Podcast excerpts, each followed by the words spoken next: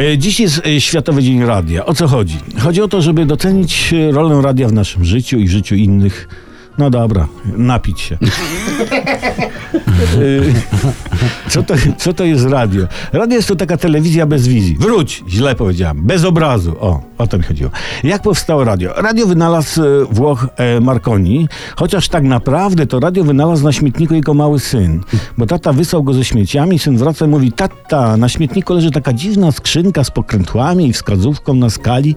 Nie, i, i, I tu coś tknęło starego Marconiego. I on się ogląda, co to go tknęło, a to przeczucie. Przeczucie chyliło kapelusza, odchyliło klapę mówi dokumenty poproszę. Dziękuję. Marconi, tak. Tak. To wszystko się zgadza, jestem pańskim przeczuciem. Pan wyśle małego na śmietnik po tę skrzynkę.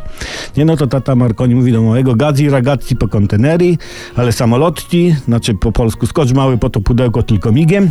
Syn przynosi, Marconi patrzy, no cholera wygląda na radio. Ale to, to, ta, to nie gra, przytomnie zauważa jego syn. Bo widzisz, chłopcze, trzeba to, to podłączyć do prądu. Włącz wtyczkę do gniazdka. Nie no, ma, mały Marconi włączył i taki dziwny dźwięk się rozległ, taki no i coś nie gra, wywnio- wywnioskował papa Marconi. No to może antenę trzeba włożyć, znowu przytomnie zasugerował ojcu syn. Tak jest, olśniło Marconiego. Ale ty, co może być anteną? Wiem, mówi syn. I wziął drucik, wetknął. No i usłyszeli takie ciche RMF, FM. No tak było, kochani, tak było. I dlatego właśnie świętujemy.